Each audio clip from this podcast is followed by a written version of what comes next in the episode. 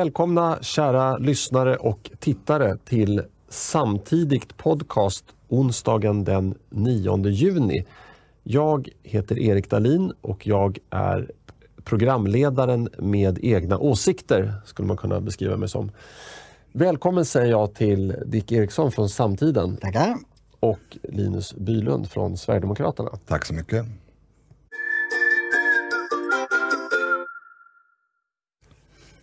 Dagens ämnen. Analys av förra veckans SCB-mätning av partisympatier.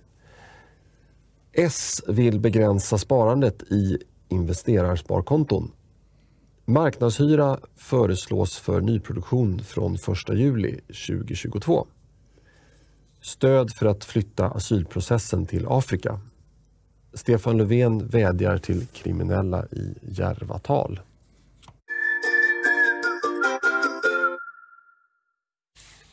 Men först så har vi det här programavsnittet som kallas för Laget runt och det har fått både ris och ros i eh, våra kanaler där man kan kommentera. Man kan ju kommentera på Youtube till exempel eh, under avsnitten. Eh, och jag vill väl bara säga det att för min del så jag försöker lägga in någonting där antingen att politiken kommer in i vardagen liksom. Eh, eller att, nu ska jag se, jag får rätt kamera. Eh, eller att eh, lyssnaren lär sig någonting. Eh, och eh, det, det tycker jag vi är ganska bra på. Eh, Faktiskt. Och, och är det så att eh, Dick, du bara har dragit upp din båt, då, då tar det, det dig 10 sekunder. Ja, just det. Just det. Så att, Nej, men idealet, ja. idealet är ju när man hittar sådana grejer. För Problemet är, tycker jag i alla fall, att det är väldigt ofta man har något som man har tänkt på. Eh, kopplat till. eh, Jag kan, jag kan ta ett väldigt aktuellt exempel. Eh, hade, hade vi satt oss här med blankt papper och frågat vad har du tänkt på? Då hade jag pratat om Löfvens tal i Järva. Eh, och, och min reaktion på det. Eh, men det går ju inte nu, för det är ju en av våra nyhetspunkter. Så det blir ofta så att, fan, vilka nyheter ska vi ha med? Då är det ofta att man tar med något som man redan har tänkt på. Så ibland blir det ju bara lite eh, allmänt eh, socialt mumbo jumbo. Ja precis. Eh, och det, det är väl eh, Det kan ju vara något som är kul också.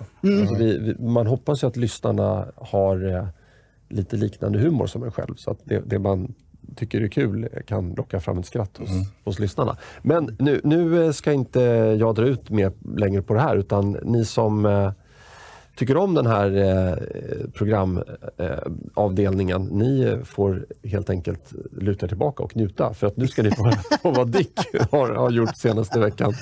Precis. Nej, jag tänkte mig en liten, liten kompromiss. Jag har kollat igenom eh, mejlen till podden samtidigt at eh, samtiden.nu.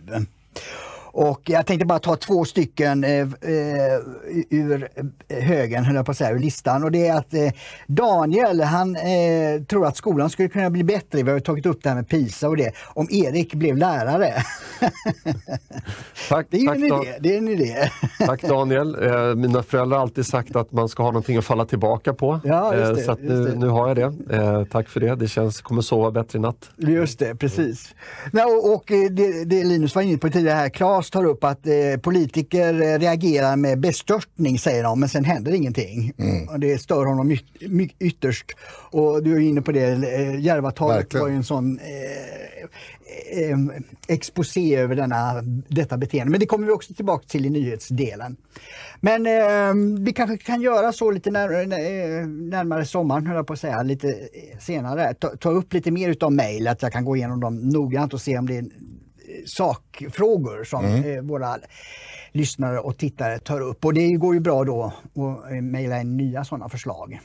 För eh, väldigt trogna lyssnare så eh, drar man sig säkert till minnes att vi hade ju ganska ofta inslag med frågor och, och funderingar från just lys- lyssnare på den tiden bara. Just det, just det. Eftersom det var eh, på ljud. Ehm, och det tycker jag är ett bra inslag. Därför att det är, man kan ju aldrig veta vad folk funderar över eller vad, vad, vad som snurrar där ute 100%. Så att det är alltid kul med, med eh, inspel, ska jag säga, för att inte använda ett engelskt ord. Just det. Bra. Vill du eh, fortsätta där Linus?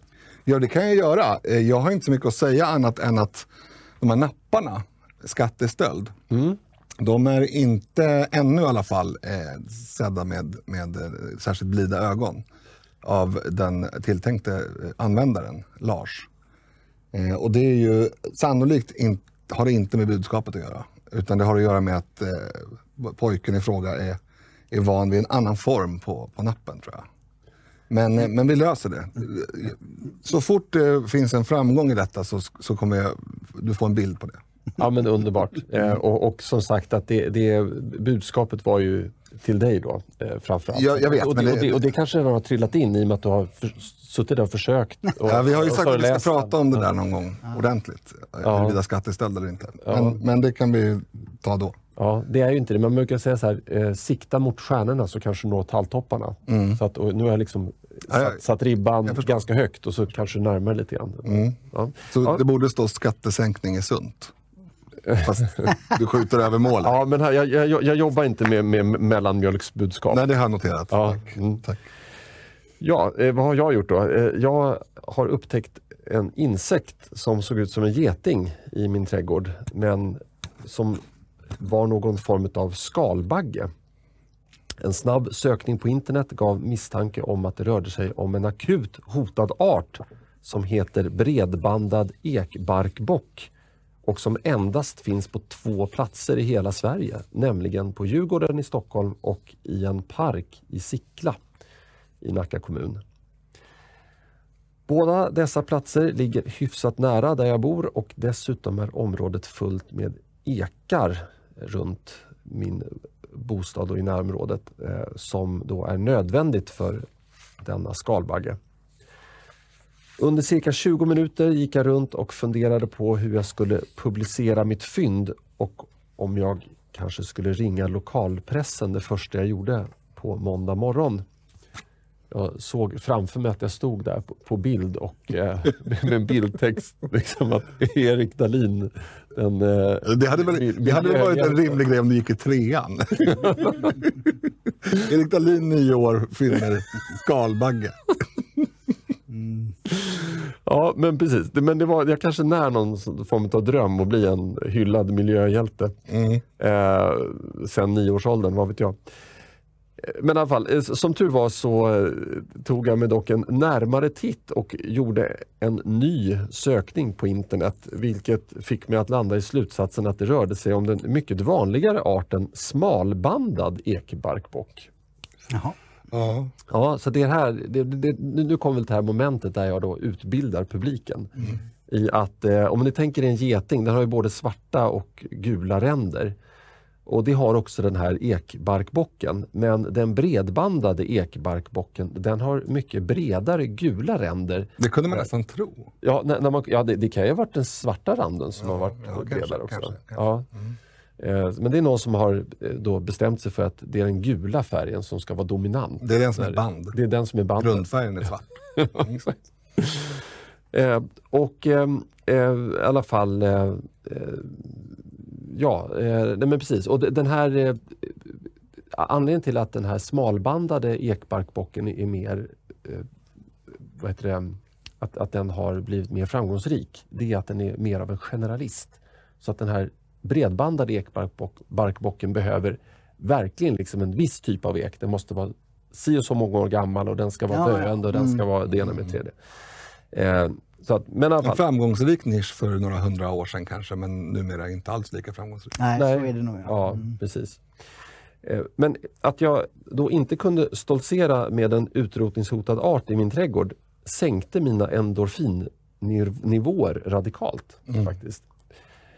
Eh, Och då, då kan man ju dra två lite motsägande slutsatser av den här historien och min tillhörande reaktion. Dels att jag är en obotlig anhängare av mångfald. Men också kanske en skalbaggsrasist. Va, vad säger du Linus? Nej, men det, jag förstår inte varför det skulle vara konstigt att du... Alltså, jag tycker ju till exempel att eh, en havstrut kan vara väldigt vacker. Jag, någon gång, an, anledningen till att jag tog det exemplet var att jag någon gång sagt det till, till något av barnen. Titta vad vacker. Och då sa de, det, det är en mås. Liksom. Och det är det ju inte. Men, men, men en måsfågel. Eh, men alltså det finns ju... Det är klart att att ett djur som är väldigt, väldigt vanligt blir mindre eh, roligt att ha i sin trädgård. Även om den här eh, ekbarkbocken kanske var vacker ändå, så blir det ju inte lika roligt om, om det är väldigt många. Om det är, en- om det är en helt vanlig skalbagge. Liksom. Så att om man ser till exempel då en, en eh, pilgrimsfalk så är det lite roligare än att se en skata. Men även skator kan ju vara väldigt vackra. Ja, jag tänkte, man, man, när det kommer till människor så, så vill man ju se till individen. Men det gjorde jag inte här. Jag, utan här, här Ja, värderade du menar jag... Ja, det, ja, Ja, ja, individen ja. på skalbaggsnivå är nog, jag skulle säga att den är ganska skral. Alltså du kan nog inte, du kan nog inte, om du har fem skalbaggar så tror jag inte att du kan namnge dem och sen eh, sätta olika egenskaper på dem. Nej, nej, men- nej, Den här jäkeln, de har ingen in, han har humor. intellekt så att säga. Ingen, ingen, de reagerar bara på instinkter och det, då gör de väl likadant allihopa. Ja, precis. Det, det, de har ingen karaktär Nej. på det sättet. Nej, men, exakt. men, men jag värderade ju ändå, alltså jag blev ju upp, upprymd, jag gick nästan runt som i en eufori där när, när jag trodde att det var en utrotningshotad art som jag hade sett. Men, men när det visade sig att det inte var det, då, då, då betraktade jag inte det här då, då, då var det liksom nästan ohyra som jag hade i trädgården. Jo, men kommer ihåg att vi tangerade det här ämnet för några avsnitt sen när du pratade om din eh, kråka, var det va? Som du hade. Ja, just det. Ja. Precis, ja. Då, då berättade jag en anekdot om när vi hittade en eh, utkastad, sannolikt eh, talgoxbebis, unge. Eh, som vi åkte till, ja, det här var ju 25 år sedan, någon katastrofhjälp för fåglar och vilt. Och, och jag sa då inom passus, att, och det var säkert någon som reagerade på det, att jag tyckte att det var lite slöseri med resurser att ha liksom, platser för, för eh, talgoxar eller, eller duvor. Så när det finns kanske en falk som, som har blivit skadad eller en, en, eh, ja, något annat lite mer ovanligt, lite mer attraktivt eh, djur. Eh, och det var ju precis samma tanke. Att eh, det är klart att en havsörn kanske är lite mer värd att lägga resurser på en, en, en liksom stadsduva. Vad vet jag? Men, men det, så känner jag också. Ja, eh, vi- du, ni nappade inte 100% på mi, mi, mitt fi- filosofiska inspel Nej, här, nej. men eh, vi, vi kanske får ta det. Det brukar vi inte men, göra. nej, jag tycker om traditioner. Ja, bra.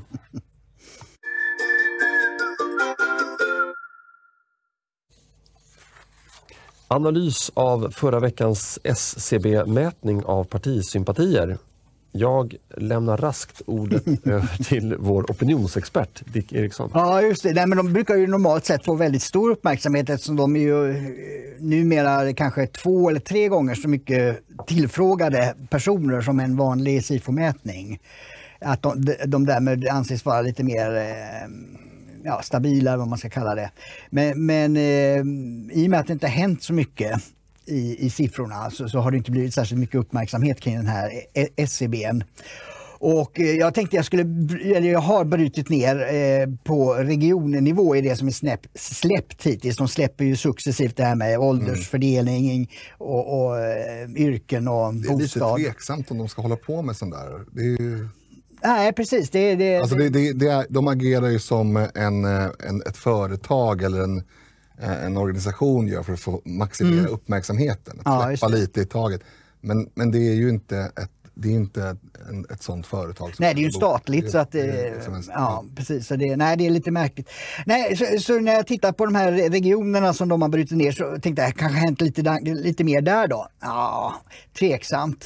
Det, det är eh, de rödgröna om man slår ihop då de här fyra partierna S, MP, C och V som ju numera är ett block tycker jag. Så har de gått tillbaks i Västsverige sen eh, första mätningen efter förra valet då, alltså i november 18. Man mäter ju två gånger om året, eh, november och maj. Så från november 18 till maj 21 så har eh, de rödgröna gått tillbaks 3,7 procent i Västsverige och 4,3 eh, i Stockholms län och, och eh, 3,2 i östra Mellansverige. Men då har de istället ökat i Stockholms stad med 6,2 procent. Så att eh, liksom, den här nationella nivån så har ju de rödgröna minskat med 1,1 procent under den här perioden. Då. Men det har alltså varit givande och tagande. Just i norra Mellansverige har de, har de rödgröna minskat också med 5,1 7 procent. Så det var det största Eh, eh, minskningen. eh, pr- Pratar vi procentenheter nu? eller? Ja, procentenheter utav de här partierna tillsammans. Fast det kanske är samma... Nej, det är inte. Nej, Nej, nej, precis. precis, nej, exakt. I det här precis. fallet är det procentenheter. Och, och naturligtvis är det ju då motsatsen då för, för det, nya blågula blocket som jag kallar det då. Liksom där, de har gått fram 3,3 i Västsverige, eh, 4 procent i Stockholms län. Eh, och så tappat eh, 6,3 i Stockholms stad. Och, och, så det är egentligen det, det som är intressant här, eh, just det de har gått fram i Mellansverige också, de, de blågula, då, är just det att, att Stockholms stad har den största förändringen skett. Då, 6% mindre för de blågula, 6% mer för de eh, rödgröna. Och det beror framförallt på att Moderaterna har tappat eh, och eh, att, eh, ska vi se, sossarna, ja, Miljöpartiet, Centern och Vänster, alla har gått fram i Stockholms stad på den rödgröna sidan. Och det, det är ju faktiskt en intressant, det, det kan vara där, därför Moderaterna har lite problem också. en fråga, när har den här förändringen primärt skett? Är det från 18 eller är det nu på senaste året? Ja, jag, jag, har bara, jag har bara 18 och Jag har bara ja, de två för att få lite effekt, kontrast För att jag tror Mm. att man kan se en liten teoretisk åtminstone förklaring i den här peri- mandatperioden är Mm. ju helt eh, över, vad heter det, ställd, ställd på ända Ja, opinionsmässigt. Mm. För att i normala fall så ser det inte ut så här. En regering får inte kraftigt ökat stöd mitt i mandatperioden som Nej. ju Löfven-regeringen fick nu på grund av pandemin. Mm. Samma sak om det skulle bli krig. Det är därför eh, diktatorer brukar ställa till krig eh, när, när, det, när förtroendet sviktar. Eh, så det hade varit intressant att veta då, för att jag kan tänka mig att bor man i Stockholms stad så är man mer, ehm, man, man bor ju i ett myller. Man borde bli mer påverkad av en pandemisituation än om Ja, man bor i, så, ja. Mm. i Knäckebyhult. Ja, det, det, ja, det, är Ja, det är en tanke bara. Men, men det är ju då exakt motsatsen har hänt i Stockholms län. Alltså Ja. alla kranskommunerna här som en del ligger väldigt nära Stockholm. Solna är, är ju svårt att skilja från Mm. Ja. Stockholm eh, som tillhör då länet. Va? Och, och, eh, Å andra hela- sidan så tillhör Nykvarn också Stockholm. Just det, som ligger län, längre, blir- längre ja. ja. precis. För i, i eh, Stockholms län där har ju Moderaterna gått fram med 6 eh, Sverigedemokraterna 2 eh, Kristdemokraterna tappat lite. Och så ligger ju Liberalerna med här då. Det är svårt att säga var man ska räkna Liberalerna någonstans, men jag la dem här då. De har ju då gått ner från 6 till 2 i Stockholms län. Mm.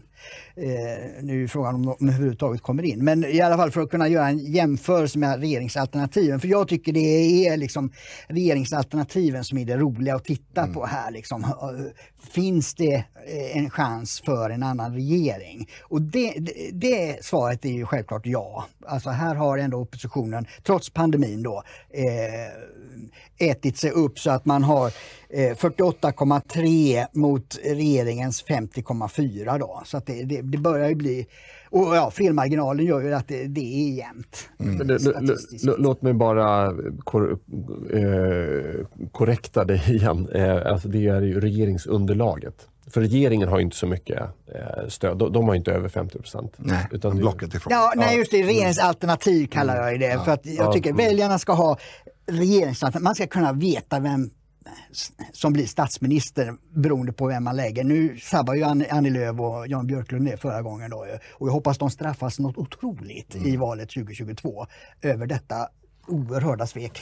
Eh, för att det är den första grejen, vilken regering vill vi ha? Vill vi ha en, en åt, som går åt vänster eller en som går åt eh, höger?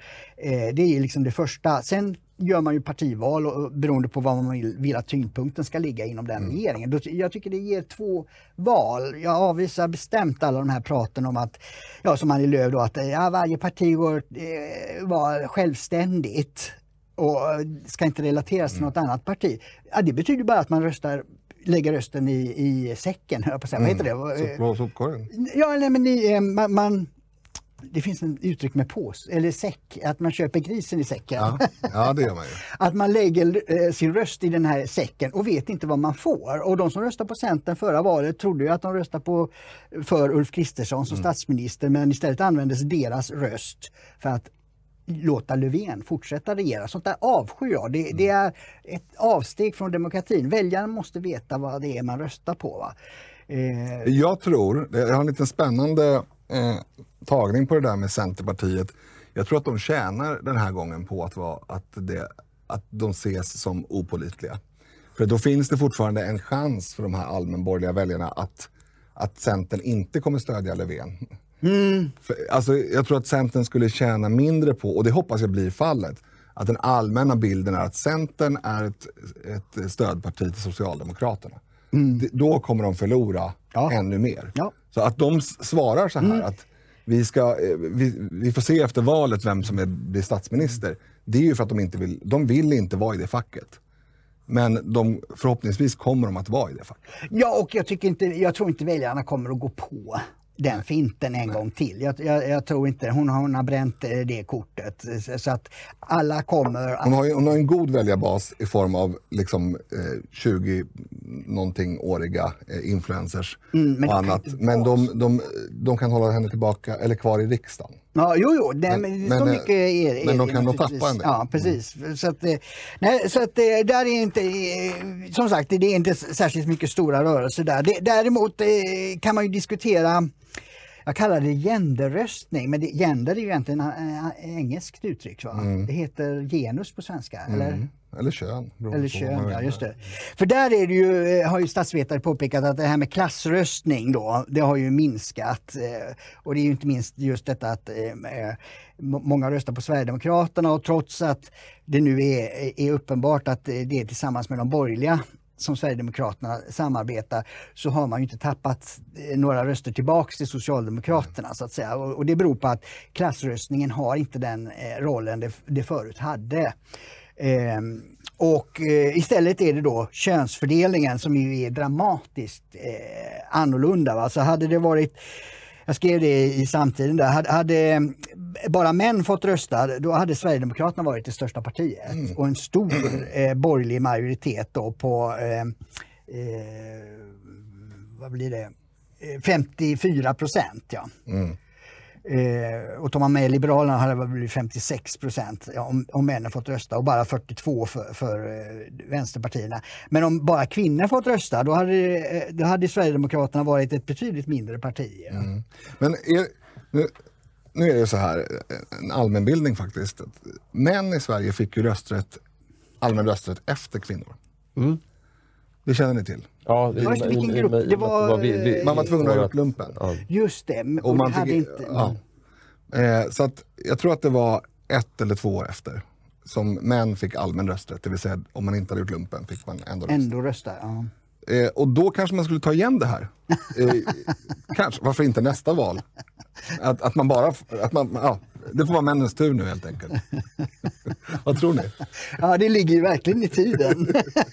Nej, det var ett 100% skämt såklart. Ja, precis. Eh, Erik skruvar lite på sig. Ja, nej, men jag, jag, jag blev lite sned här för att det är alltid jag som brukar... ska min fru säga? Ja, precis. Nej, men att det är alltid jag som brukar komma med sådana där Ja, jag skämt. tänkte och, att och nu någon gjorde gång du kan det. det. Ja, jag blev lite kränkt där faktiskt. Att jag kunde absolut inte skratta. Jag skulle ha skrivit ner det och gett det till dig. Ja, ja precis. Gör det nästa gång. Men, men, ja. men jag, tr- jag tror att den är, och det ses ju då som en eh, belastning att man har övervikt män av någon anledning i dessa feministiska Mm, Det är tider. så otroligt märkligt. Ja, jag, jag, kan in, jag är demokrat. En röst är en röst. Jag kan aldrig eh, få mig att förstå varför det skulle vara skillnad. Nej, men jag, jag kan tycka så här, att Mm. visst vore det bra att tillgodose så många behov med sin politik att det blev no- någorlunda jämnt. Mm. Men varför det inte skulle vara problematiskt när, kvi- när kvinnorna Nej. är övervikten, Exakt. trots att det ska vara problematiskt För- när män. precis. Det förstår jag däremot inte alls. nej, och medierna kan ju fortfarande skriva så här, ja jämlikheten har ökat på den här eh, myndigheten för de är 80% kvinnor nu och bara 20% män. Liksom. Som om 100% kvinnor är det jämställda. Ja, det är så alltså, de är dumma i huvudet så det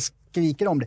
nej men alltså det, det, det jag ändå tror det är bra att det är en övervikt på män för, för eh, Sverigedemokrater och, och, och, och de borgerliga eh, istället för tvärtom, eh, är ju att jag tror ju att kvinnor kommer att upptäcka, eller till slut eh, förstå att eh, otryggheten som finns i samhället och som växer med kriminalitet och allt det här andra kan bara lösas på ett sätt, det vill säga det sätt som just Sverigedemokraterna, Moderaterna och Kristdemokraterna vill. Så att de borde... Och det drabbar ju kvinnor Ja, i exakt. nästan högre utsträckning. Ja, Ska jag säga. ja precis. Så att även om man tittar på statistiken att ja, men de som åker på stryk på stan eh, och blir skjutna och så vidare, det är primärt män. Ja. Men de är också primärt inblandade i skit. För män är mer brottsbenägna och så vidare. Mm, ja, visst. Eh, så de, om man skulle dela upp det, oskyldiga offer, då är ju kvinnor överrepresenterade. Det, det, tryggheten, alltså om man tittar på de här upplevd trygghet, så är ju kvinnor mycket räddare Ja. än män. Eh, vilket är, också är rimligt om man är fysiskt underlägen. Eh, underlägsen heter det kanske. Eh, och, och, och därför så, jag, jag tror faktiskt att du har, har en god poäng här. Att, och, det, och det finns ju också undersökningar som pekar på när, när, eh, när saker och ting förändras i samhället så kommer männen att ta steget före. Gruppen män. Ja, precis. Den eh, har ju en tradition av att mer sköta det offentliga livet. Liksom. Ja, framförallt så tror jag att män är lite mindre... Om man tittar på eh, en annan del av, av, av världen som inte har med politik att göra, på, på trender, alltså titta på tekniktrender och sådär, då är ju ofta män så kallade early adapters. Ja, ja. Eh, Eller Mm. adopters, jag vet Just inte vilket ord som används. Eh, båda skulle funka. Men i alla fall att man, att man eh, hoppar på saker. Man är, man är mindre betänksam. Mm. Eh, mindre ängslig skulle man kunna säga om man vill. Eh, eller mer betänk... Alltså kvinnor är mer ängsliga eller mer betänksamma beroende på hur man vill. Ja, just det, balansera det. Balansera Precis. Så, så att min summering av SCB är att det kommer att vara mycket lättare för eh, de, de eh, blågula att värva kvinnor än det kommer att vara för de rödgröna att värva män. Så tror jag det man kan sammanfatta Mm. det hela. Ja, det är, ja, ja, jag är helt inne på din linje där Dick. Eh, och eh, ba- bara en reflektion först. Eh, om, om man skulle be en person, man, står och, och eh, observerar ett torg och så pekar man ut ja, men mannen där i, liksom, eh, vit pikétröja och keps. Nu får du så här, satsa en hundralapp på vad han röstar på. Då är det absolut eh, ekonomiskt klokast att rösta på, eh, Gissa på giss, gissa på att han röstar på Sverigedemokraterna. Därför att det är det, det är det parti som är van, alltså, Störst bland störst. gruppen. Ja. ja, Mm. Det beror på var man är och lite sådär också. Men Ja, exakt. Det beror lite grann. Men vi säger helt godtycklig plats i Sverige. Men, men den som ska gissa vet inte var. Men alltså en godtycklig man i Sverige. Ja. Det, är, och det, är, det säger någonting. Alltså det, det är ju oerhört stort alltså. Eh, och, och att man fortfarande försöker att eh, brunmåla det här partiet som man gör. Det är liksom... Jag, jag kan förstå om det är liksom ett 1%, 2% Ja, just det. procentsparti. Men nu är det största partiet bland män. Det största partiet bland män. ja, det börjar verkligen bli eh, att man har passerat den här gränsen för när, när man sannolikt förstör för sig själv genom att baktala. För att det är så pass många som, som delar eh, uppfattningarna. Precis. Eh, så att min uppfattning blir mer och mer det här, att, eller min känsla att de, de här som, som brunmålar och som, som eh, tar till brösttoner och så vidare, att de inom ett antal år kommer liksom vara i minoritet och att man ko- kommer tycka att de är Alltså det, det, på något sätt så har ju Sverigedemokrater varit eh, alienerade på, på sätt från samhället. Men, men jag tror att nu, nu håller det på att svänga så att nu kommer man snart se de här människorna som håller på på det här viset och brunmålar, att, att det blir tvärtom. Eh, men det, det var det ena. Eh, och, och sen eh, det andra det här med, eh, med kvinnor. Eh, det är ju eh, jag, jag läste någonting, en analys eh, om det här på om det var Twitter eller Facebook. Men alltså att eh, det här är ju ett resultat just av den här smutskastningskampanjen. Och jag ser det, man kan se det både anekdotiskt i sitt eget liv och eh, även eh, på, på samhällsnivå.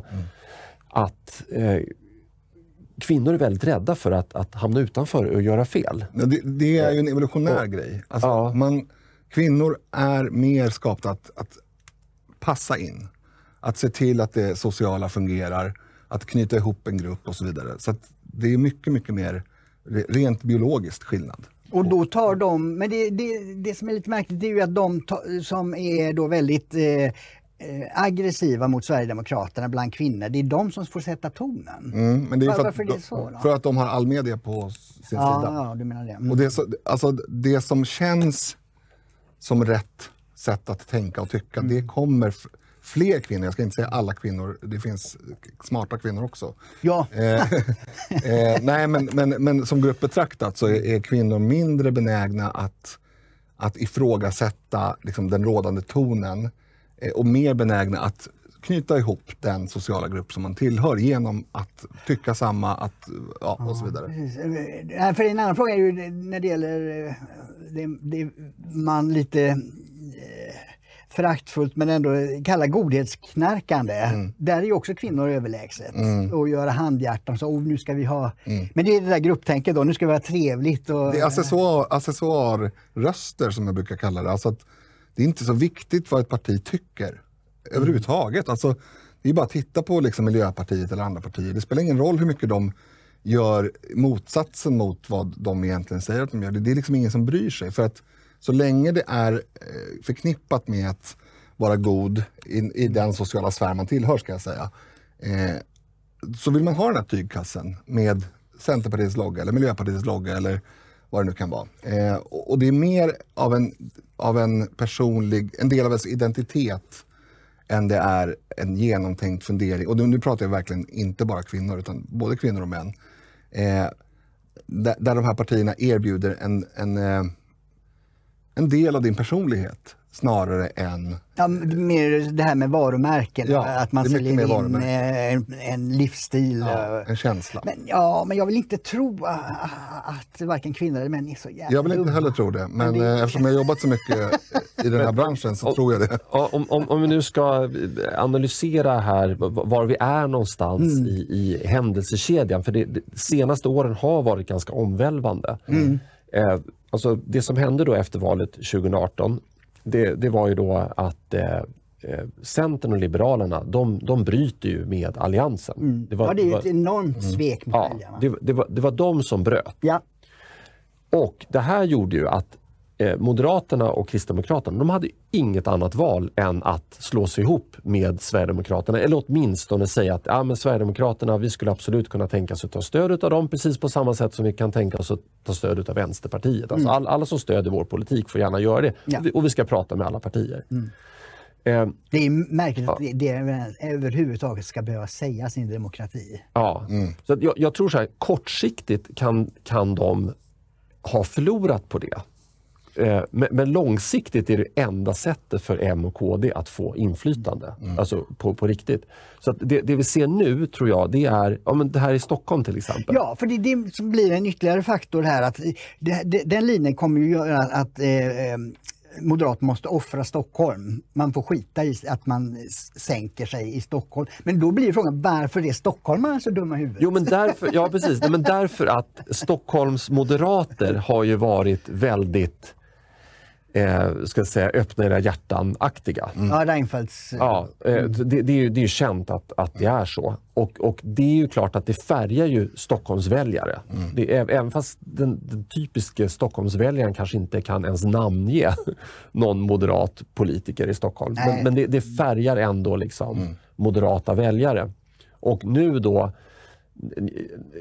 för förra SCB, eh, du, du jämförde med valet, eller? Eh, Ja, första SCB efter valet, november 18. Ja, okej. ja. Sen dess har ju de, alla de här sakerna hänt. Ja. Så att det, det här är ju en effekt av att Moderaterna har tvingats välja sida. Men jag tror precis som du att det här är ju, det, det, det är ju det är liksom den enda vägen framåt och de här känsliga väljarna de kommer ju förstå att okej, om vi inte går tillbaka till vårt gamla parti Moderaterna eller för den delen SD eh, eller KD, eh, då, då, blir det en, en vänstermajoritet. Då, blir det vänsterstyre.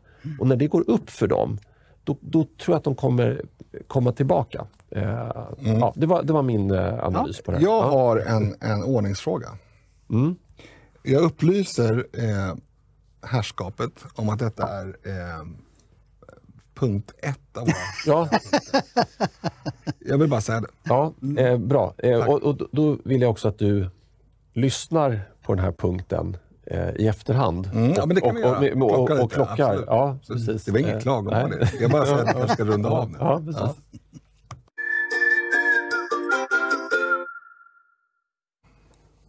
Socialdemokraterna vill begränsa sparandet i investerarsparkonton.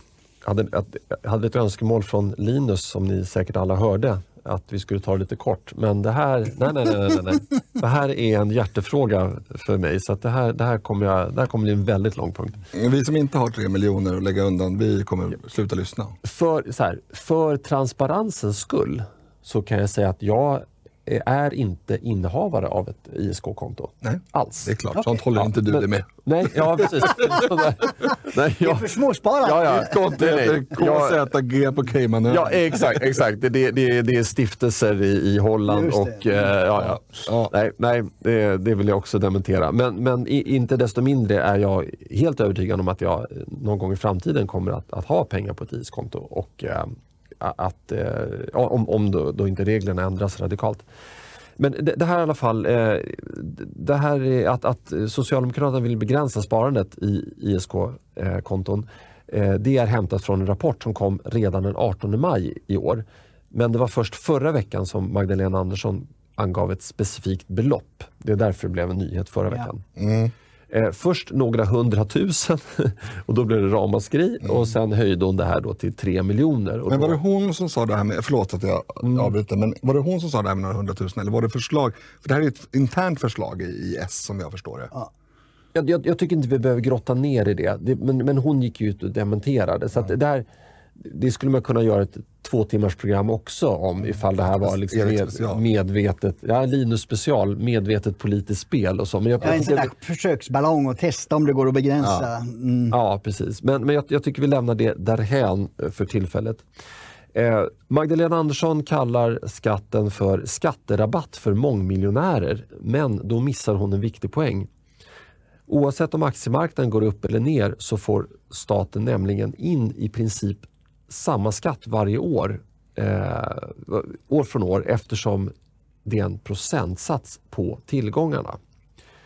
Eh, den traditionella beskattningen av aktier togs ut endast på eventuell vinst vid försäljning. Eh, och den här möjligheten finns ju kvar också. Man behöver ju inte lägga sina aktier eller, eller obligationer i en ISK. Eh, Men de här vinsterna kunde också kvittas mot förluster. Så att de, i tider av, av nedgångar på börsen så gissningsvis så blev det kanske inte så mycket skatt eh, från reavinster. Då.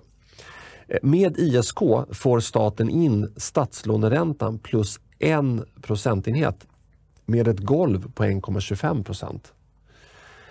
Eh, Och då kan man fråga sig, är det inte värt något för staten att med säkerhet få in pengar som oftast täcker hela räntekostnaden på statsskulden? Alltså det är, jag, jag, jag, jag bara liksom tänker eh, att, att alltså hon framställer det som att det är att, att Alliansen på något sätt inför det här som en skatterabatt för mångmiljonärer. Men de, kan, de kan mycket väl ha tänkt att vi vill ha en jämn intäkt. Vi, staten har skulder, medborgarna har tillgångar. Vi balanserar de här så att vi täcker räntan på statsskulden. Och så här, statsskulden är idag eh, 1225,9 miljarder kronor.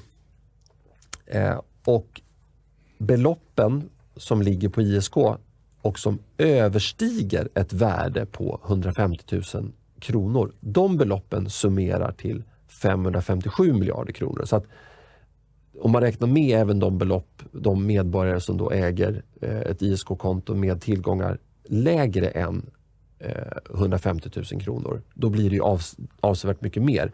Vad det nu blir, det, det, det vet, jag försökte googla på det här, det, det hittade jag inte. Men man, man kan väl gissa i alla fall att det blir runt, avrundar uppåt till 600 miljarder.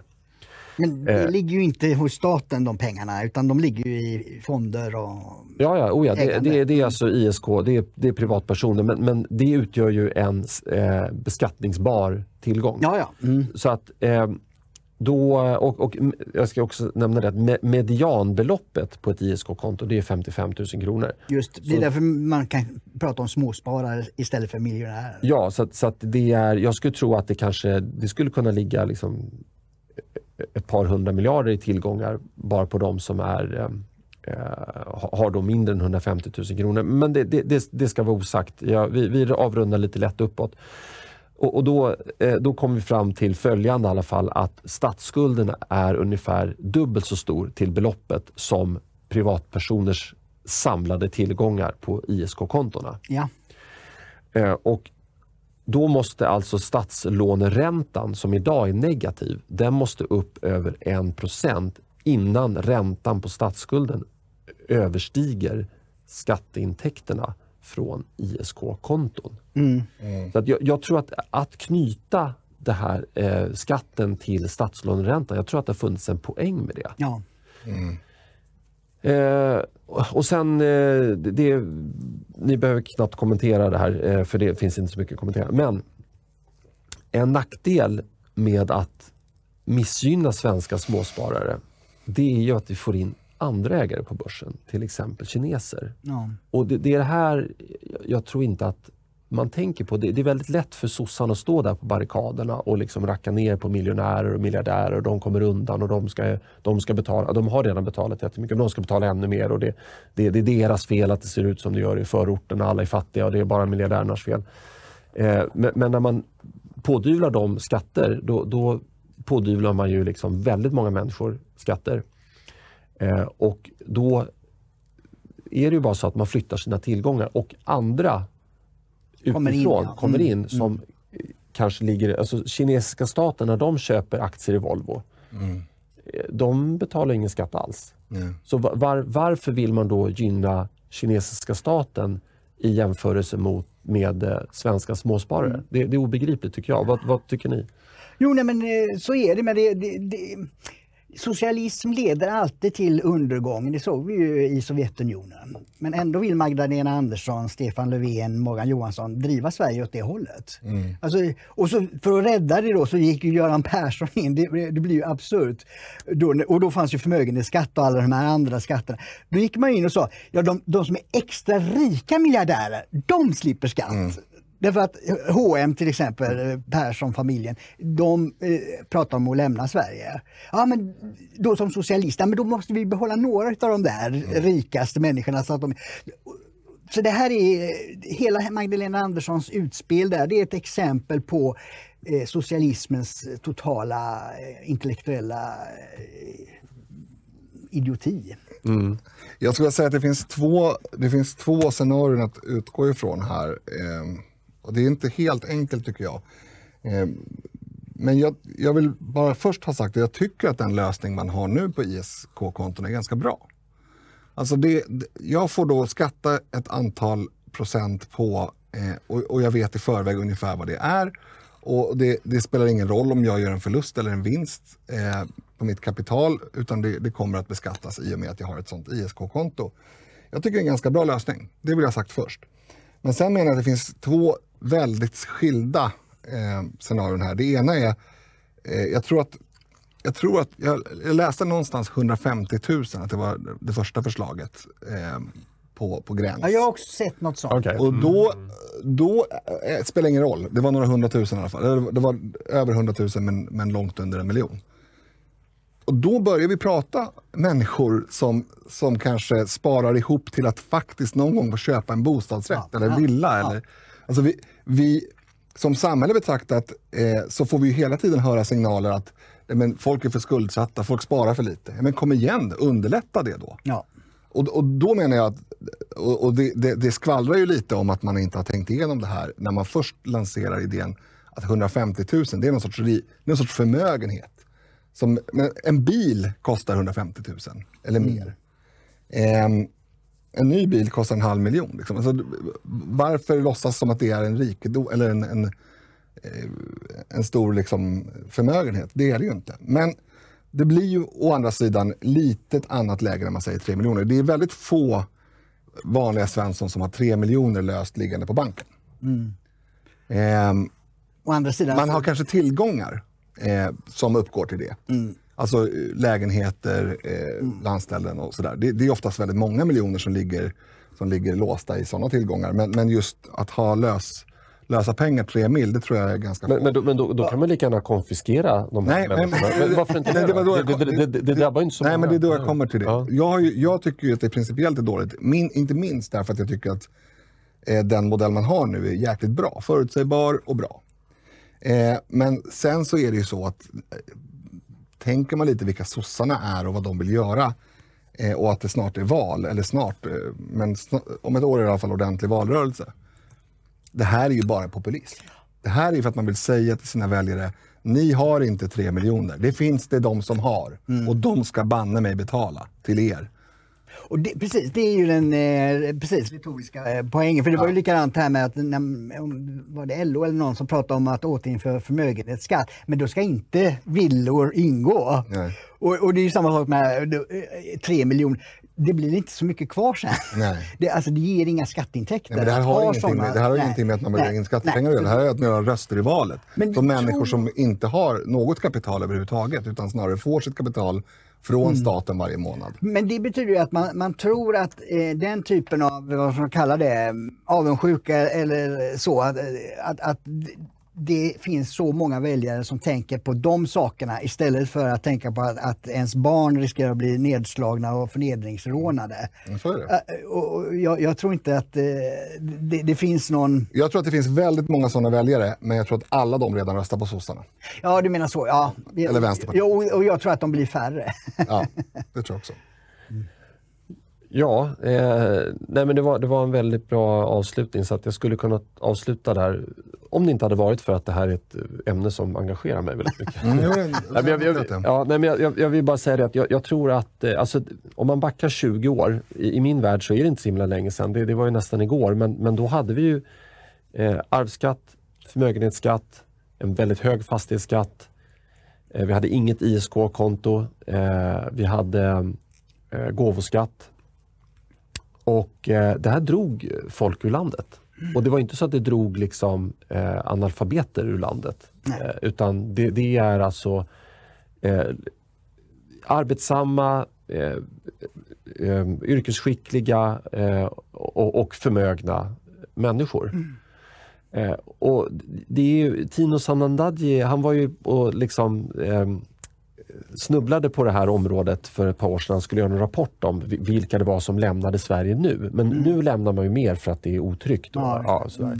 Men, men jag, jag har aldrig sett att man har gjort någon utredning på det här. Men dels då vilka som lämnade. Det, det, det, man kan ju ta så här Ingvar Kamprad på 70-talet och massa andra familjer. Idrottsstjärnorna. Idrottsstjärnor, precis. Eh, men har man studerat vilka det var som kom hem? Alltså, säg att det kom hem 10 000 förmögna svenska familjer, eller 5 000. Hur, hur har det påverkat svensk ekonomi? Mag, eller vad heter hon, eh, Ulla Andersson, gick ut, Vä- Vänsterpartiet, hon gick ut på Twitter eh, häromveckan och ondgjorde sig över svenskar som köper lyxyachter. Jo, men hon vill väl inte att arbetarna på lyxyahtsvarvet ska, ska bli av med jobbet, eller? Alltså det, det är det här, de, de, Ja. de fattar inte Nej, nej. att ett samhälle kan inte bara bestå av Eh, alltså som i Nordkorea, där går ju alla runt i samma kläder och alla är lika fattiga. Är det, är det, Ja, det är deras mål. Det, Ja, är visst. deras mål. Ja, Ja, ja, och det, Jag är, jag är ja. helt övertygad om att väldigt många sossar, sär- särskilt de på vänsterkanten, då, Morgan Johansson och, och resten, och eh, hon Ulla Andersson och partiledningen, de, skulle, alltså, de, hävdar, de erkänner ju inte det. Men deras politik skulle, om de får hålla på eh, i ett antal år, vara i, i, helt klart i den riktningen. Hemska tanke. Jag tror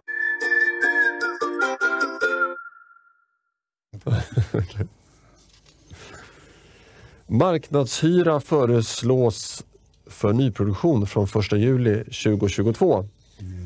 Det, det är bara såna här trevliga ämnen. eh, Du har haft för stort inflytande på dagordningen. Ja. ja, i alla fall. Jag har inte läst rapporten, men så här uttalar sig utredaren Casimir Åberg i Sveriges Television. Inflyttningshyran får inte väsentligt överstiga hyror för liknande lägenheter. När hyran väl är bestämd får den höjas max en gång per år, lyder förslaget. Eh, och jag, jag kan tycka, om det här blir om det här då får liksom genomsyra eh, lagstiftningen, den kommande lagstiftningen, då är det ju inte marknadshyra om den, ska, om den inte väsentligen får överstiga hyror för liknande lägenheter. För att, tanken med marknadshyra det är att du och jag Dick ska kunna komma överens. Eh, om jag hyr ut en lägenhet och säger ja, men jag, jag vill faktiskt ha 30 000 för den här för det finns en annan som vill, han, han är beredd att betala 29 000. Ja, och för, framförallt är det så att i, i attraktiv, för det här gäller ju attraktiva områden. Där finns det ju bostadsrätter och där faller ju marknadspriset ut i försäljningsvärdet och så får man ju låna och betala ränta eh, för det lånet och istället för hyra så att säga. Har man en hyresrätt då ligger ju eh, fastighetsägarens räntekostnader i hyran. Mm. Så att eh, där behöver det ju bli eh, en möjlighet att man ska kunna hyra också i dyra eh, områden. Och det som jag ser som poängen med det, som jag tycker sällan kommer fram nu, det är ju att om hyresvärdar kan ta ut saftiga marknadshyror som inte är kopplade till fastighetens underhållskostnader och byggkostnader och så, då får de in mer pengar där, bland de som är rika. Då kan man ta ut mindre hyra i förorten. Där man också det, äger eh, fastigheter. Ja, man, det kommer ju bli resultatet. Ja, så jag har alltid varit för marknadshyror av den anledningen att eh, i attraktiva lägen där får man betala idag om man vill ha en bostadsrätt extra pengar eh, per kvadratmeter. Varför inte ha samma lösning på hyresområdet så att man kan ta ut pengar för hy de hyresgäster som kan betala och så få mindre hyra i andra områden. Eh, jag kan, jag kan komplicera det där en aning. För det hade ju varit... Eh, för det första. Om marknadshyror skulle ha funnits alltid, det hade inte, vi hade aldrig infört någon reglering av, av hyresmarknaden, då hade det varit ett helt annat läge. Då hade vi till exempel inte haft en sån brutal bostadsbrist. Nej. Men i det här läget så är det inte, alltså en perfekt marknad kräver ju, eller om, komma någorlunda nära en perfekt marknad kräver ju att det finns tillgång och efterfrågan. Och där utefter sätts priserna. I det här fallet så finns det inte en tillgång. Nej, just det. Nej, det har du rätt i. Mm. Alltså, det finns en massa människor som desperat, desperat behöver en lägenhet. Mm. Det är inte jättelätt att införa marknadshyror då. Därför att då kommer ju sådana som Erik bygga eh, hyresrätter. Därför att du kan ta ut vilka hyror som helst. Folk måste ha någonstans att bo. Mm. Det blir ett jäkla problem. Ja. Så länge marknaden är så skev mm. så är det här en väldigt, väldigt svår fråga. Men jag har en helt annan, en annan tagning mm. på den här frågan. För in, in, in, ja, du, du anklagade precis mig för att vara en hjärtlös kapitalist. Men, men, jag, så, men låt mig bara... Jag, jag sa ju innan att du var det. det var ju, men det var ju på skämt. jag, men, okay, ja. jag tror att folk fattar att jag, att jag använder det som ett, ett Ja, men jag, jag, vill ändå, jag vill ändå eh, svara på det. Men fortsätt du. Ja, jag vill bara knyta till det här under valrörelsen 2018 så hade Hyresgästföreningen, denna extremistorganisation, i kollaboration med en annan extremistorganisation ledd av Stefan Löfven, eh, stora kampanjer där man ljög mm. rakt upp, väljarna rakt upp i ansiktet om att vi, Sverigedemokraterna, ville införa marknadshyror. Också dessutom generellt. Det var, eh, tror jag, grundat på att vår bostadspolitiska talesperson vid någon intervju någon gång hade sagt att man inte var helt främmande för att vid nyproduktion eh, någon gång i framtiden se över detta. Eh, så man ljög helt enkelt eh, väljarna rakt upp. Skrä, försökte skrämma väljare precis mm. som man gjorde med massa andra frågor och som man dagligen gör med massa andra frågor som man ljuger ihop eller förstorar. Eh, på ett sätt som faktiskt skadade oss under valrörelsen. Alltså det var många som kom till valstugan och liksom, nej men jag kan inte rösta på er, ni vill ju införa marknadshyror. Jag bor här borta på Södermalm och jag skulle inte ha råd att bo kvar. Vem har sagt det här? Mm. Nej, men jag fick ett blad från Hyresgästföreningen. Nu gör Socialdemokraterna det som de anklagade oss för. Helt utan någon sorts skam i mm. kroppen. Mm. Och, och, och, det stora problemet med det är ju inte att de gör det, för det hade man inte räknat med. Men varför sitter inte Stefan Löfven i tv mer eller mindre dagligen och svarar på var, varför gjorde den här kampanjen mot Sverigedemokraterna? Mm. Alltså det är aldrig några repressalier för Socialdemokraternas flagranta lögner inför väljarna. Repressalierna i en demokrati är att media eh, hudflänger den som ljuger. Annars, annars fungerar inte demokratin. Om, om en viss sorts människor kan ljuga och bedra och fuska och, be, och begå dåligheter hela tiden och aldrig få stå till svars för det, mm. då är det inte en full, fullt fungerande demokrati. Nej. Och, jag, jag, så här, det, det, är inte bara Socialdemokraterna som borde stå till svars, utan det är ju Hyresgästföreningen som fortfarande... Det är Socialdemokraterna. Ja, ja förlåt. eh, för att det, står, eh, de, eh, det ligger fortfarande kvar på deras hemsida. Vilka säger ja till marknadshyror? inför valet har flera riksdagspartier uttryckt bla bla bla bla bla. Och så, så har de en sammanfattning. Eh, och då står det då, eh, vill ha marknadshyra, M, L, De har KD, kvar det SD, alltså. Ja. Vill inte ha marknadshyra, S, MP, V. Det är de som inför det nu. Alltså. Ja, förutom V. Ja, det, det, det ska vi säga att de, hade de fått bestämma så hade det inte blivit. Men, men det, det, är liksom, det här är ju... Eh, alltså jag, hade jag rättat eh, Hyresgästföreningen så hade jag tagit bort den här och lagt en, en dementi och en ursäkt. Ja, vi hade fel inför Mm. valet 2018 för att vi gissade. De har inga sådana koder överhuvudtaget. Det, inget, det finns ingen moral. Eller, de, är, de är ute efter att ge Socialdemokraterna så mycket makt som det överhuvudtaget går. Ja. That's it. Precis. Och då, men nu eh, frågade du, eh, du, du, du antydde här att, att jag skulle dra nytta av det här. Jag, för, för transparensens skull så ska jag säga att jo, jag, jag äger via bolag ett par hyresrätter. Men Överpriser säger jag. Nej, jag. Nej, men, och, och jag kan väl å ena sidan tycka att ja, det skulle ju vara bra för min plånbok om, om jag eh, kunde skicka ut ett meddelande till dem och säga att nu höjer jag hyran med 50% rakt av. Men så får det inte gå till i en, i, i en rättsstat. Nej. Alltså det, det är bara så, man, man, kan, man kan inte behandla liksom, folks boende på det sättet. Precis på samma sätt att man kan inte införa en fastighetsskatt från ena dagen till den andra som radikalt eh, höjer eh, kostnaden för boendet. Eh, så att jag, är, jag är absolut emot att man inför marknadshyror över en, eh, alltså i, i befintlig produktion. Eh, däremot kanske om någon... Ja, förlåt. Däremot om, om någon eh, flyttar, eh, självmant flyttar ut och man har så att säga en ledig lägenhet, då skulle jag kunna tänka mig att, att man där kan... Fast det kommer ju Förhandla. bara leda till att alla lägenheter, eh, Ja, eftersom folk jo, flyttar så kommer det... Precis, men, det, det, Men då får man ju den effekt jag pratade om. Om, Mm. om man har din lösning, då, då kan man ju ta ut där, där det går att ta ut, det vill säga attraktiva lägen. Och då kan man ju ta ut mindre i, i områden som inte är så attraktiva. Ja, och det kommer bli... Det, Ja, och det, för Ja. det jag är ute efter och det jag behövde när jag skulle flytta hemifrån, det, det var ju en låg hyra. Mm. Det, det, alltså, man vill ha ett boende. Eh, och då, det första behöver liksom inte vara på Strandvägen eller vad man nu är, är ute efter utan det, det kan ju vara en, en, en enkel bostad så att säga. Eh, och då, då kan, man börja med den effekten om, om man har den lösning du nämnde nu, liksom att vid ett visst tillfälle eh, införa det. Eh, även om jag vet ju det, alla partier är väldigt rädda för den här frågan eftersom den misstolkas hela tiden. Men jag, jag, jag, ser det ju mer filosofiskt eller säga, mer långsiktigt också. För dagens hyresreglering är från 1942. Det var en krigsreglering. Alla andra sådana är borta sedan ja, slutet av 40 eller början av 50-talet. Men hyresregleringen är kvar. Och det är den som har lett till det låga bostadsbyggandet. Jo, Så den är orsaken till att vi är i den här situationen där det inte finns bostäder. Mm, men, men, men får jag bara säga, det, det är fortfarande här tillgång och efterfrågan som är nyckeln här.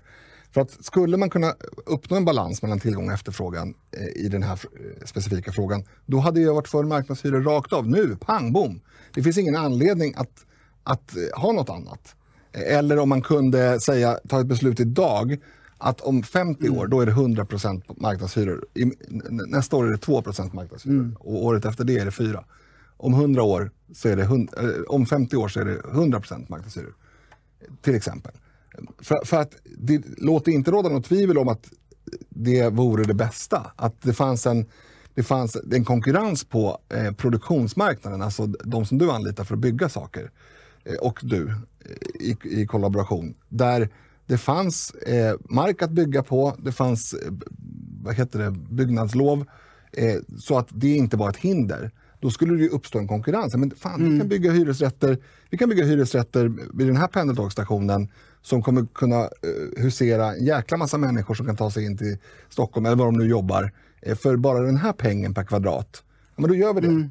Eh, då konkurrerar vi med det andra bolaget som har mycket högre priser och då vill man hellre bo i, i era hus och så vidare. och så vidare. Eh, Så, så skulle det vara bra om det fungerade, men det är långt tills det kan fungera så. I och med att det finns så många som, som står utan bostad, som gör vad som helst för att få en bostad. Ja, det är en väldigt underskott på bostäder. Och eh, ja, vi vet ju vilka, en, en anledning till varför det är stor efterfrågan. om Mm, ja. det kommer hit väldigt många människor. Det är klart, migrationen ligger ju bakom väldigt stor del av bostadsbristen. Ja. Så måste man ju såklart säga det. Ja, precis. Eh, och jag vill bara för tydlighetens skull säga att, att mi- mitt resonemang här om att man skulle då kunna komma överens om en ny hyresnivå så fort det blir en hyreskontrakt ledigt. Eh, det, det var ett teoretiskt resonemang. Ja, det, finns, det finns konsekvenser av det som, som faktiskt måste utredas. Jo. Men, men det jag tycker är dåligt med det här, det är att man skapar liksom två läger av hyresrätter. En hyresrättstyp som är byggd före 1 juli 2022 och en hyresrättstyp som är byggd efter Ja. 1 juli 2022. Hur kommer man se på det här om 50 år? Då kommer det så här, ja, är, det, är det en 2022 eller är det en, en, liksom en 2021? Just det, just det. blir jättekonstigt. Det är som man ska köpa en Volkswagen Passat och måste veta exakt vilket, vilken årsmodell det är för att man Ja, och, och, det, och det kan, vi kan ju teore- teoretiskt kunna tänka sig att man, man flyttar in helt ovetandes om att man flyttar in i ett marknadshyreshus. Eh, som var byggd två år senare än någon annan kåk. Det. och, det, det, det, det är väldigt konstigt att upprätthålla det här regelverket. Men, så därför tänker jag så här. Vi har redan någonting som eh, heter ägarlägenheter. Den, Vad är det för något? det Alltså, vad är är, skillnaden mot jo, bostadsrätt? Ja, eh, därför att i bostadsrätt där är det bostadsrättsföreningen som innehar lagfarten för fastigheten. Mm. Det är bostadsrättsföreningen som är fastighetsägare. Och så är man medlem i föreningen som ägare. Mm. Ja. När man eh, äger en ägarlägenhet, då har du eh, själv ehm, då är du lagfaren ägare till den lägenheten. Precis som man kan vara lagfaren ägare till eh, en villa. Och det är den modell som finns i utlandet. Vem ansvarar för eh, taket och fasaden? Det, då har man en eh, gemensamhetsanläggning. Pre- precis som att om du bor på landet så har kanske har en Ja, gemensam, ja. gemensamhetsanläggning för vatten och och vägförening. Vägföreningar. Ja. Mm. Men jag förstår fortfarande inte. eh, Då- då- gemensamhetsanläggning som gör vad då? Som lagar taket? ja, man måste ju sköta den precis som man, man sköter vägar på landet. Då. Och det är som en bostadsrättsförening alltså? Ja, det blir, precis, i praktiken. Är, vad är skillnaden då? i, Eh, Du du kan inte belåna den här gemensamhetsanläggningen, Nej. eh, vad, vad jag vet. Eh, men, men jag tänker Jag kan inte belåna min, jag kan bara belåna min del av min bostadsrättsförening. Jag kan inte belåna. Nej, men styr, styrelsen kan ju säga så här, nu tar vi ut ett lån på jo, 10 sant. miljoner. Ja. Så att, så att, eh, ma- man har ju mer eh, eh, frihet i, i en ägarlägenhet. Och då tänker jag så här, varför inte bara säga så här, okej. den som äger en ägarlägenhet får ta ut vilken hyra den vill av en hyresgäst. Ja, det må, ja, just det. Du menar så. Ja. Mm. Mm. För då kommer vi få, idag, det, det står det helt fritt att köpa en villa i Djursholm, Linus, eh, och hyra ut den till, till eh, vilken hyra du vill. det, det, det är bara det att den hyran du får in för, för köpet, den kommer liksom inte motsvara en vettig avkastning. jag räknade på det igår jag kan säga att du har fel. Jag kan inte köpa en villa. Eh, och, och, men med ägarlägenheter så skulle man, om man, om man nu släppte hyran eh, fri totalt, eh, vilket i princip kanske det är om man ägnar sig åt lite gråzonsverksamhet. Man kan hyra ut till företag och eh, det är kanske inte gråzon, men, men det, det finns ändå en, en, en marknad där redan idag. Men om man, om man lagstadgade att i, i den här upplåtelseformen, där är det marknadshyran som gäller. Då skulle man kunna få, istället för, om, om du nu jobbar hårt i kanske 20 år till, då kanske du står inför alternativet, men jag har ju till min pension här tillräckligt och jag har en sudd pengar över och men jag vill inte sätta allting på börsen. Jag sätter det i en ägarlägenhet som jag hyr ut. Då, då, alltså, privatpersoner kan då bli hyresvärdar. Man, Ja, man, fri, man frigör en, en marknad som finns i Europa men som i princip inte finns i Sverige. Och man kan också säga Det blir lite en annan diskussion för det kommer ju inte att ge, några sunda hyror utan det kommer ju snarare ge ganska höga hyror då. Nej, det är tvärtom. Alltså Bryssel är, brukar en del nämna. Eh, där flyttar du in tjänstemän som jobbar på EU och, och så vidare. I och för sig, de har ju väldigt bra löner. Ja, Men, eh, men eh, det jag har hört, nu var det väl det sista jag hörde, det var nog några år sedan. Men så, var det relativt enkelt att hyra en lägenhet relativt centralt till relativt låg hyra i Bryssel. Och de har ju det här systemet. det måste, ju, det, det måste ju vara direkt kopplat till beståndet. Ja, det måste det vara. Eh, för beståndet gör, utgör ju så att säga tillgången och, och är det då fler, finns det fler lägenheter än det finns människor som vill hyra lägenheter, då kommer det bli billigt.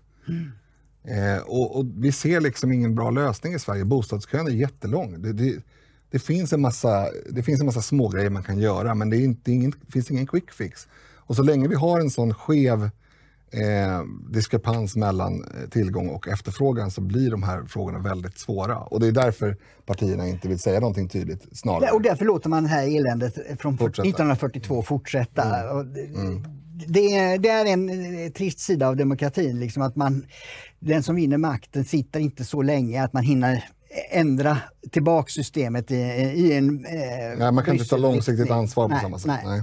Nej. Eh, Och, sen för att avsluta och för att svara på en fundering du hade Linus, det här med att eh, bygga nytt och så. Eh, idag när det är markplätt till salu i Stockholm.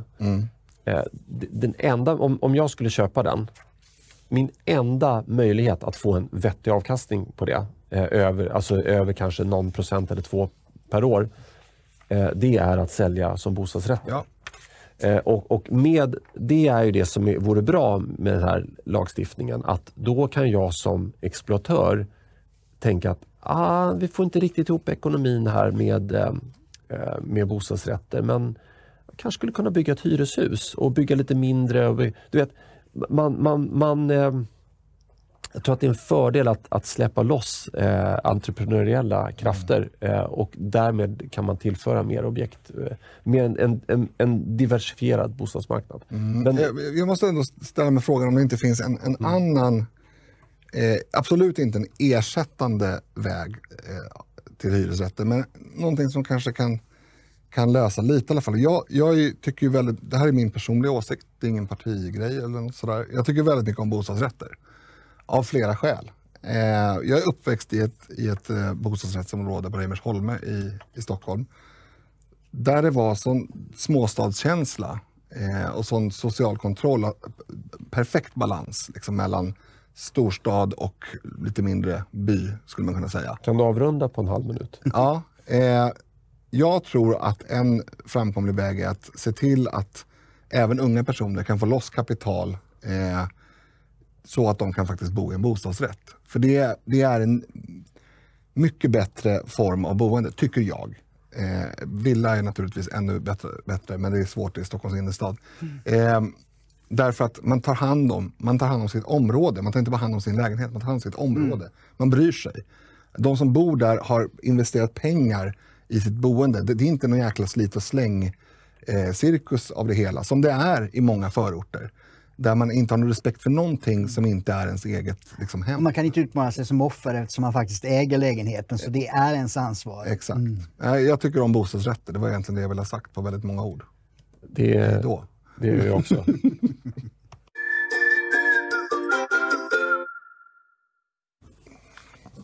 Stöd för att flytta asylprocessen till Afrika.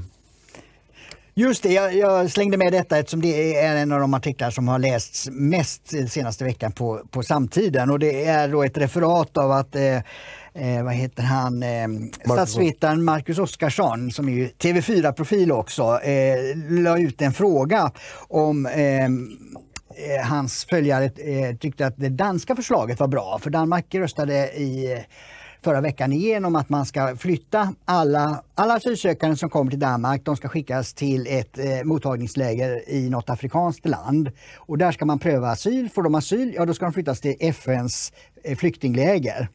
Får de inte asyl ska de åka hem. Så de hamnar aldrig i Danmark, mer än när Danmark bestämmer sig för att från FNs flyktingläger ta emot ett visst antal kvotflyktingar. Då blir det ju ordnad mottagning av eh, flyktingar och inga andra gör sig besvär.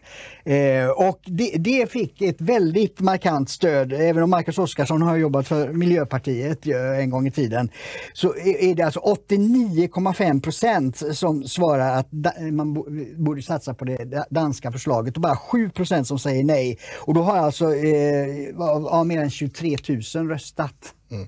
Det är antagligen ganska skevt urval, men, men absolut. det, men det visar lite grann eh, var opinionen finns, tycker jag. Nej, men det, det här är ju väldigt likt eh, Sverigedemokraternas eh, förslag sen, sen väldigt länge. Att asyl söker man inte i, i Sverige. Eh, och vi har tidigare haft eh, em, förslag om att man ska aldrig, när man söker asyl som, som flyende, oavsett från var, så ska man aldrig veta var man kan hamna. Därför att man har inte rätt att söka sig till ett visst land. Man har rätt att söka sig från det farliga. Och idag är det så att man söker sig till, till det land där man antingen har släktingar, där man har hört att det är ett bra bidragssystem, där man och så vidare. Och vad blir det då? Eh, Sverige. Ja, eller möjligtvis Danmark, om de inte hade haft rimligare regler. Eh, det här är ett klockrent förslag. Och, och, ja, det har funnits många sådana här förslag under åren. Vi, vi har, jag har bollat med en person, jag ska inte nämna vare sig partibeteckning eller namn, i, i eh, Oslo. Eh, kring ett, att göra någon sorts gemensam grej om det här för flera år sedan. Där, där idén var att man skulle helt enkelt se till att FN eh, köpte ett antal öar. Till exempel i den grekiska skärgården. Det finns hur många stora obebodda öar som helst. Och där har man ett mottagningscenter, transitcenter. Dit får varje person som söker asyl någonstans i världen får komma dit och sen eh, slussas ut till olika länder. Personen i fråga ska inte ha någon aning om var den hamnar. Just det. För det är det som är poängen. Alltså vi ska ha en dräglig tillvaro på, på, så att säga, i processen. Det ska finnas liksom faciliteter och en dräglig tillvaro. Men du ska inte veta var det kommer. För det är inte, det är inte någon jäkla flykt det handlar om. Det är flykt. Det är två helt olika saker. Ska man kunna ha en asylrätt som respekteras av alla länder på jorden, då måste man ett, dela på bördan. Två, det kan inte vara en väg att, att flytta någonstans. Utan det ska vara en väg att flytta från någonting, inte till någonting. Nej, ja, min tanke, första tanke var var, varför har man inte gjort så här från början? Ja. Det, det som Danmark föreslår nu. Det, det borde man ha gjort. Och någon kommenterade, statsvetare i Danmark, sa att det här är den största förändringen av flyktingpolitiken sedan 1953. Sa han. Ja. Och det, då, det var ju då de här reglerna kom till efter andra och världskriget. de kom ju till delvis, eller ganska st- st- stort, eh, stor anledning vad jag har förstått, att den judiska diasporan som var runtjagad runt hela världen, de kunde ju inte förväntas åka till ett visst land och söka asyl, utan då bestämde man att man fick söka asyl i det land som man befann sig. Ja, Pers- Som, som personen befann sig. Och det var ju rimligt då. Då. Det är dock otroligt orimligt nu att man ska kunna åka från eh, ett afrikanskt land via liksom massa länder in i Europa, via ytterligare säkra länder och sen till Sverige och säga jag behöver hjälp här. Men jag, jag tror också att det handlar om att när man upprättade det här systemet så såg man konflikter som något temporärt. ja. Eh, det, det vi vet nu med 70 års eh, erfarenhet eller blick bakåt i backspegeln, det är att det här verkar ju vara ett konstant tillstånd. Det är ju konstant konflikter i Mellanöstern och Afrika.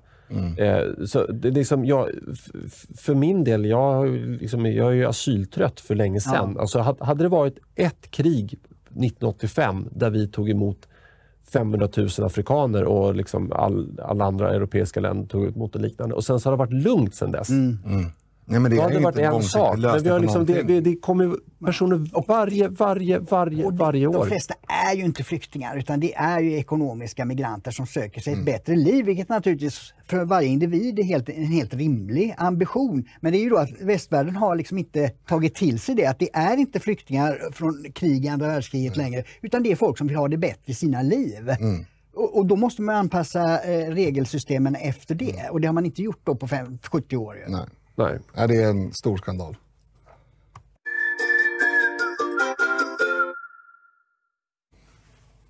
Stefan Löfven vädjar till kriminella i Järvatal. ja, Dick. Jo, det var ju Järvaveckan förra veckan eh, där alla partiledare eh, framträdde och, och eh, jag skrev en ledare om att jag tycker Jimmy Åkesson, Ulf Kristersson och Ebba Busch, de har ju sina respektive tonläge, eh, tyngdpunkt och så, men alla låg exakt i samma linje. Precis liksom strömlinjeformat åt, åt, åt samma håll. Så att det, det finns ju verkligen en eh, ri- riktning för en ny riksdagsmajoritet. Eh, men sen i söndag så, så höll ju då eh, Stefan Löfven sitt tal och han sa då kastar du sten mot ambulansen finns inga ursäkter. Alltså det är så tröttsamt. Ja, det är oacceptabelt att kasta sten. va? Ja, precis. Alltså det, det är helt hopplöst. Och Tillsammans ska vi öka takten för att skapa områden där det går att lyckas och där man eh, vill stanna kvar. Vi, vi, är, vi är alla en del av samma gemenskap. Alltså det är liksom söndagsskolesnack som, som statsministern ägnar sig åt. Han kanske skulle kunna bli predikant. Ja, Jag, jag har en framtid som lärare och Stefan Löfven som predikant. Ja, just det. Vad, vad tror du Linus? Ja, alltså det är ju det är sorgligt att... Eh, jag ska säga så här, de som går på det här, ja, jag vet att den här har gått och lagt sig, men jag tror inte att vi kan göra någonting åt den saken. Något, ni som lyssnar på podd vet inte vad det var frågan om. Men ni som eh, tittar på Youtube kan, kan eh, ha noterat att Vår oerhört viktiga logga. Alltså, de, de, eh, de som är kvar i, i den här sändningen, de är hardcore följare, så de, de skiter nog i det. Men så här då. Eh, det, det måste ju vara bara inbitna socialdemokrater som för det första har ju de den här religionen. Att mitt parti, det är det goda, det är det som har byggt Sverige. Allt bra är, är Socialdemokraternas förtjänst och allt dåligt det är någon annans, ofta Sverigedemokraterna. Eh, eller Moderaterna då eftersom de eh, fanns tidigare.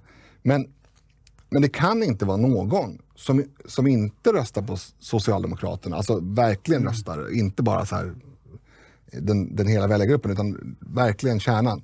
Det kan inte vara någon utanför den som inte ställer sig frågan så här. Om du tycker att det här är så viktigt, herr statsminister, hur kommer det sig att du har skitit i det i sju år? Ja. sju år. Ja, ja, nu, ja precis. Men han, han har haft ett liv. Han har ju varit socialdemokrat. Ja, hur kommer det sig att du har varit socialdemokrat så länge om du tycker att de här områdena är viktiga? Det är ni som har skapat de här områdena. Ni har ju skap överlagt gemensamt och i samförstånd har ni skapat det här. Det är inte, det är inte något som bara har hänt. Han, han, han borde ju ha lämnat rörelsen någon gång i mitten av 80-talet när man såg vartåt det barkade. Ja. Ja, om man nu tycker så här ja. Men det gör han inte. Men det, det, alltså, eh, när det är- just gäller eh, arkitekturen och hur de här förorterna är byggda så eh, är det också Socialdemokraternas fel. Sen ännu längre tillbaks. Därför att eh, då på 50-talet då ville man upprätthålla klassamhället och då ville man inte att tjänstemän som vill ha radhus skulle finnas där eh, arbetare som bodde i hyreshus fanns. Utan därför la man dem på olika sidor motorvägen. Och skapade de här förorterna. Men det är ju inte längre arbetare, svenska arbetare som bor där då, utan det är ju eh, migranter som bor i de här områdena. Så, och, och de är alltså byggda arkitekturiskt och stadsplaneringsmässigt för segregation. Det, det tycker jag alla bör tänka på. Det, det är därför det är svårt att göra någonting åt det. Alltihopa är byggt för att det ska vara segregerat. Ja, eh, har vi någonting mer att... Eh, rubriken var Vädjar till kriminella. Eh, precis, det är det han gör när vi är alla del av samma gemenskap. Är, Ja. är, det, är, det, är det, Ja, alltså det rimliga, om man, Ja. om man nu hade blivit Ja. blivit tagen på allvar här, då hade han ju sagt så här. Kastar man sten mot en ambulans så Mm. finns inga ursäkter. Vi kommer sätta in specialpoliser här. Och den som begår brott mot blåljuspersonal kommer att sitta fem år i fängelse. Mm. Eh, det hade ju varit, då hade han ju ändå gjort liksom någon typ av ansats att göra någonting åt saken. Men det är ju det, är ju det här vanliga eh, från Stefan Löfven, att saker är oacceptabla, eh, de är dåliga, inte okej kan de vara. De kan vara usch, de kan vara usch och fy till och med, vissa. Eh, men det, det ska inte göras nå- någonting åt det. Nej, och som vår, eh, Eftersom det är hans väljare som kastar sten på blåljuspersonalen. Precis, vår läsare som jag citerade pratade om bestörtning, att man kände bestörtning Ja. över utvecklingen men sen händer ingenting. Nej, och det är en av de intressantaste siffrorna från Brå som har släppt en del statistik nu är ju att antalet intagna på fängelser är färre 2020 än 2011. Trots att Morgan Johansson och Stefan Löfven står och pratar om att vi har skärpt straffen och vi har gjort det. Det har de inte alls. I praktiken har det inte blivit fler inlåsta. Inte! Dock har det blivit väldigt många fler som bor i Sverige och det har blivit fler som begår kriminella handlingar. Så att det, det borde ju vara åt andra hållet. Ja visst, precis. Om, om, om, om de här orden som de ändå säger ibland eh, hade haft eh, någon effekt. Men ofta har de gjort så att Morgan Johansson, för han är ju väl, väldigt vänster, så han är ju emot skärpta straff, men de vet att opinionen finns där. Så därför gör man pressmeddelanden att vi har höjt högsta straffnivån för olika typer av brott. För det står ju i lagboken mellan, ja, precis, mellan två och sex år. Då har de höjt det till sex och ett halvt som max. Och då säger man, oh nu har vi skärpt straffen. Men ingen får maxstraff. Det, det är väldigt, jag, jag vet inte ens om det hänt någon gång att någon har dömts till maxstraff i en domstol. Utan det ligger någonstans mellan de Någon här. gång har det hänt, men- utan det är oftast absolut. miniminivån eh, domstolar Mm. har dömt. Så det, det, vill politikerna påverka straffskalan då ska man höja miniminivån så att domstolar inte kan smita undan och döma ut eh, ordentliga straff. Men det har inte Morgan Johansson gjort. Va? Och därför var den siffran, och den hade Brå gömt undan, men jag Mm. hittade den, att antalet intagna är färre. Mm. Och det är, det är en viktig förklaring till varför det ser ut som det gör.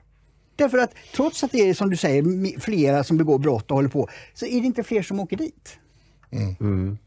Eh, sen tycker jag att han snuddar ju vid ett ämne här som jag, som jag har kanske, kanske låter som en trasig skivspelare. Men vi är alla en del av samma gemenskap. Ja, för det första så är det inte sant när man står på Järva och pratar. Därför att väldigt många där är inte en del av Nej, de vill inte vara det. De borde Nej. vilja vara en del av. Eh, Men i alla fall.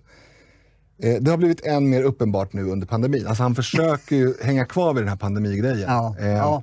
Och det kommer de försöka göra, Socialdemokraterna. Eh, De kommer försöka få det till att de har gjort det här bra. Mm, De kommer, för, försöka, de kommer prata om hur många som, som nu är vaccinerade och inte behöver oroa sig längre.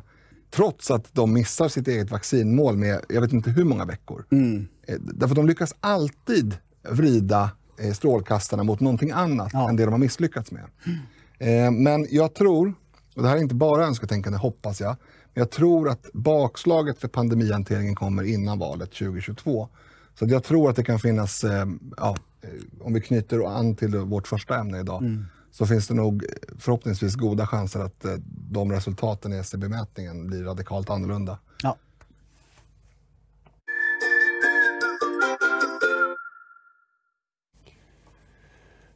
Det var allt Är vi redan för klara? idag. Ja, efter en timma, 20 minuter Oj. och 41 sekunder. 42, 43. Är det inte Ja, rekord? ja, ja, det är inte ja. rekord ännu. Inte dra ut på det. Nej, Exakt. Eh, och eh, för den som vill ha lite spänning i sin tillvaro så kan jag säga det att vi har inte en aning om vad vi ska prata om på fredag. Nej. Jo, jag vet en grej jag ska ta upp. Ja, okej. En jäkla nyhet. En tråd. det blir en cliffhanger, vad Ja. heter det på svenska? Ja, klipphängare. Ja. Så eh, ja, den som lever och har hälsan eh, på fredag får veta. Och tills dess så säger vi tack och hej då. Hej! Hej!